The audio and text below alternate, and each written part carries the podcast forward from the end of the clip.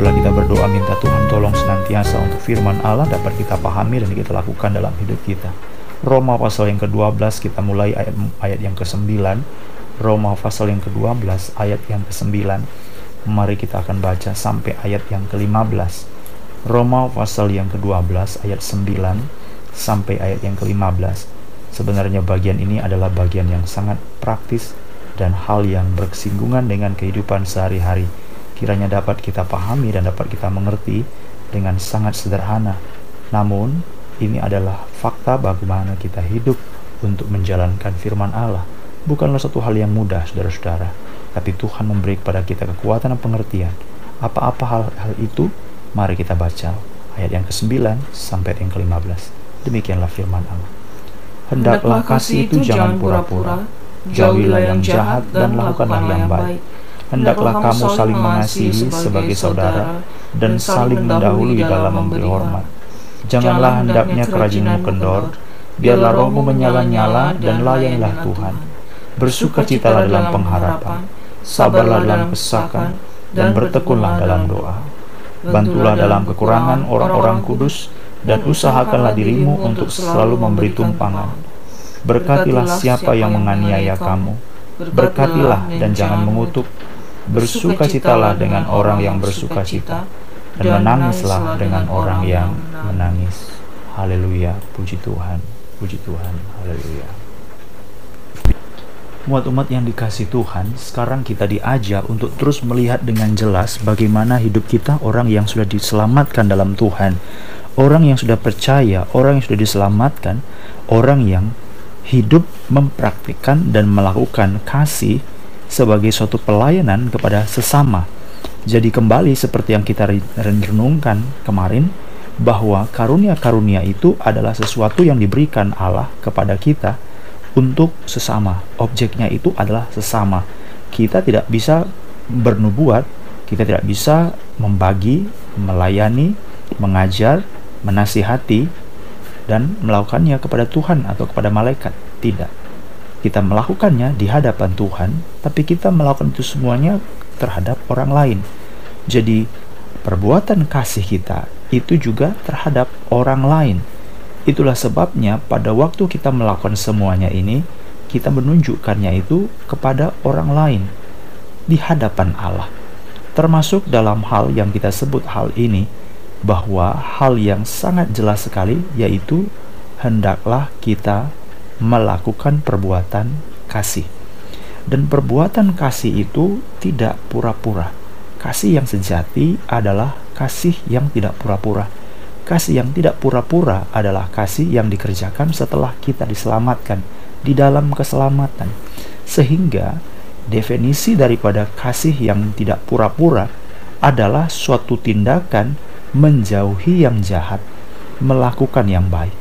Jadi segala yang jahat, saudara tahu itu jahat, saudara akan menjauhinya. Dan dari mana kita tahu perbuatan itu jahat? Kita tidak bisa tahu bahwa itu jahat kalau kita tidak hidup dalam keselamatan.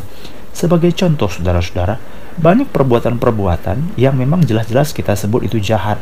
Mencuri itu jahat. Merampok, menodong, membunuh itu jahat. Menghina, mengejek, mengumpat itu jahat.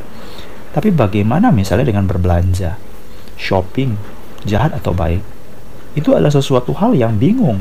Apakah belanja itu suatu hal yang jahat ataukah hal yang baik?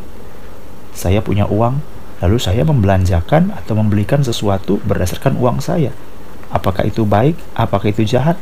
Itu sesuatu yang tidak bisa kita katakan baik atau tidak bisa kita suatu katakan jahat. Dari mana kita tahu shopping itu baik atau jahat? Itu ditentukan oleh keselamatan yang harus kita kerjakan dulu. Karena waktu kita diselamatkan, maka kita memiliki sekarang pengertian yang baru, definisi yang baru. Sehingga waktu saya memiliki pengertian dan definisi yang baru, saya tahu sekarang terhadap hal-hal apa saya belanja. Terus kemudian walaupun saya belanja dengan uang saya sendiri, saya harus mengatur, saya harus memiliki kepekaan. Mana yang harus saya belanjakan, mana yang tidak.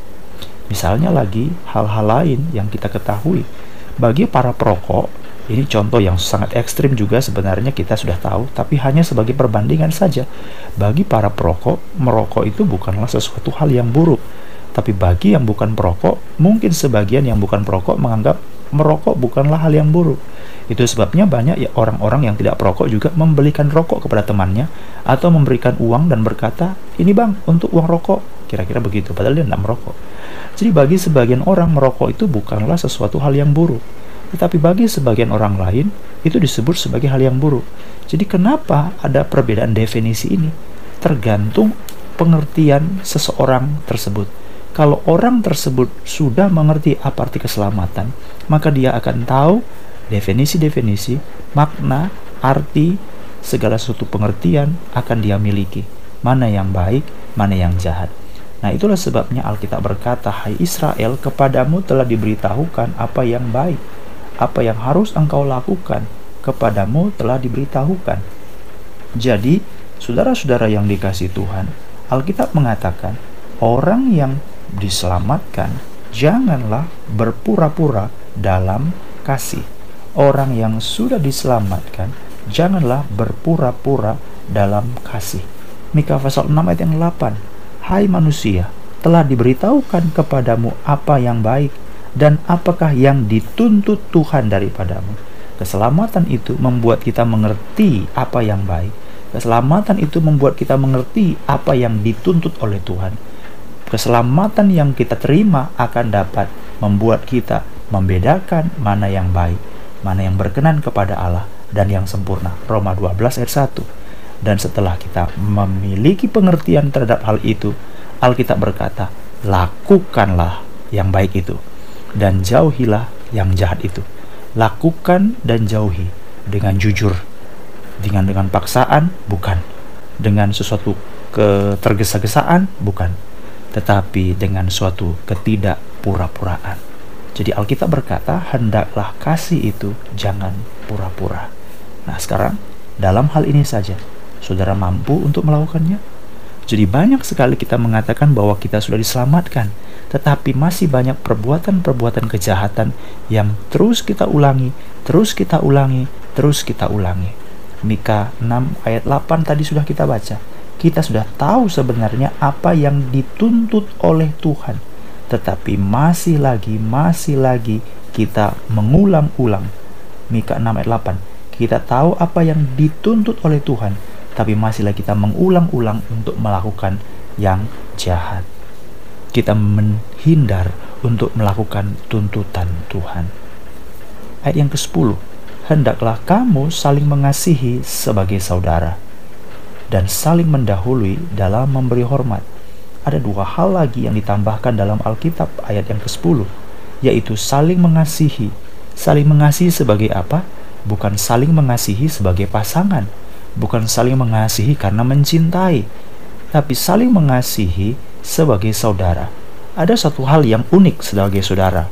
Apakah itu mengasihi sebagai saudara, bukan mengasihi sebagai pasangan? Dalam hidup ini ada begitu banyak hal yang tidak bisa kita pilih, saudara-saudara. Menjadi seorang anak dari seorang pasangan orang tua itu bukanlah pilihan kita. Menjadi saudara dari kakak atau beradik itu bukan pilihan kita oleh sebab itu, saudara-saudara, ini hal yang harus kita pahami. Baik kita sebagai subjek atau orang lain sebagai subjek harus sama-sama memahami. Orang banyak menuntut, kamu kan saudaraku, kamu kan saudaraku, harus melakukan seperti saudara. Ingat, dia menjadi saudara kita itu bukan karena kemauan dia, bukan karena pilihan dia. Jadi kalau kita diperlakukan tidak selayaknya, saudara jangan menuntut orang. Gitu loh harus menyadari diri sendiri. Kenapa dia tidak menghormati saya atau mengasihi saya sebagaimana seharusnya? Karena apa? Karena menjadi seorang saudara itu bukan kemauan dia. Itu juga bukan kemauan saya. Kalau saya memaksakan dia harus mengikuti kemauan saya, berarti saya egois dong. Tetapi kalau dia tidak menjalankan sebagaimana seharusnya, seperti tidak yang saya maui, berarti saya juga harus menyadari. Yang pertama, saya menahan diri. Dan dia pun harus memahami bahwa itu bukan pilihannya. Itu sebabnya masing-masing kita harus menyadari diri. Jadi ini dua pihak yang harus saling mengendalikan. Karena menjadi seorang anak Menjadi seorang orang tua itu bukan pilihan atau keinginan kita. Bukan karena kita memilih, anak saya harus yang model begini. Kalau modelnya begitu, itu bukan anak saya. Nggak bisa. Tuhan kasih anakmu seperti ini, ya terimalah. Kamu nggak bisa pilih. Kamu memilihnya orang tua kayak gitu, ya terimalah. Kamu nggak bisa pilih kan. Begitu juga memiliki saudara. Kita nggak bisa pilih dan kita juga nggak bisa memilih. Terimalah. Tetapi menjadi pasangan, mempunyai istri atau suami, itu pilihan kita itu sebabnya Alkitab mengatakan, marilah kita mengasihi sebagai saudara. Artinya prinsip kasih itu ada hal-hal di mana keadaan itu tidak bisa kita hindari atau tidak bisa kita pilih. Mengasihilah dengan kondisi seperti itu. Tetapi walaupun engkau tidak memilih, jangan mengasihi karena keterpaksaan atau jangan mengasihi karena ketergesaan, tetapi kasihilah dia karena keselamatan yang dari Tuhan. Nah, itulah pentingnya saudara-saudara karena keselamatan itu. Makanya saudara mengasihi sebagai saudara. Coba saudara bayangkan, sanggup tidak kita mengerjakan seperti itu? Saya yakin banyak hal yang kita tidak bisa terima. Tetapi biarlah kita minta kuat daripada Tuhan. Jadi ini pekerjaan pribadi-pribadi, tuntutan pribadi, tuntutan Tuhan kepada masing-masing. Saudara tidak bisa menggunakan penjelasan yang saya sebutkan ini untuk memukul orang lain, tidak. Kembali lagi, saudara tidak bisa menuntut orang lain karena orang lain pun berada dekat saudara, sebenarnya dia jijik dengan saudara. Tapi karena dia tidak bisa memilih, dia mau tidak mau harus terima. Jadi saudara juga harus menyadari dirimu sendiri kenapa orang tidak mau mengasihi kamu sebagaimana seharusnya. Jadi ayat ini menjadi kontrol bagi siapa saja, baik kita menjadi subjek atau orang menjadi subjek. Saya harap mengerti dengan bahasa saya. Nanti mungkin bisa direkam, didengar ulang lagi supaya renungan ini akan terus kita ingatkan. Dan Alkitab mengatakan salinglah dalam mendahului, dalam memberi hormat. Salinglah kita mendahului. Tidak sama seperti orang lain yaitu berlomba atau bersaing untuk mengejar keunggulan. Jangan. Tapi marilah kita bersaing untuk saling mendahului, untuk memperlakukan orang lain, untuk memperlakukan mereka lebih unggul daripada kita. Filipi pasal 2 ayat yang ketiga, Filipi pasal 2 ayat yang ketiga mengatakan, hendaklah dengan rendah hati yang seorang menganggap yang lain. Jadi bukan menganggap diri sendiri, menganggap yang lain lebih utama daripada dirinya sendiri. Jadi dua ayat ini adalah dua hal ini dalam ayat 10 adalah hal yang saling berdampingan. Jadi saya tidak bisa memilih, tetapi dalam hal ini ditambahkan lagi bahwa yang orang lain lebih daripada saya. Milikilah sikap seperti itu. Sehingga Filipi pasal 2 yang ketiga, kamu lebih utama daripada saya. Dengan demikian, kita akan mempelajari diri kita untuk menguasai diri, untuk menyangkal diri, karena kita tahu makin mengenal diri kita, saya tidak lebih baik daripada orang lain. Saya tidak lebih baik daripada dia. Saya pun adalah orang yang dimurka Allah, tidak lebih baik daripada dia. Jadi kita akan lebih mengenal siapa diri kita sehingga kita memberikan hormat bukan untuk mencari hormat, memberikan hormat bukan untuk mendapatkan hormat. Inilah cara Allah untuk mendidik dan mendewasakan kita setelah kita diselamatkan. Jadi Alkitab berkata, kamu tahu yang dituntut Tuhan, kamu tahu definisi yang baik, jauhilah yang jahat, lakukanlah yang baik dengan tidak pura-pura. Waduh, susah sekali ya. Kasihilah orang lain sebagai saudara. Itu bukan pilihan, tapi kasihilah karena takut akan Tuhan. Ada rasa yang tidak mudah. Ya, engkau minta Tuhan tolong. Dan Alkitab berkata, mendahuluilah membeli hormat.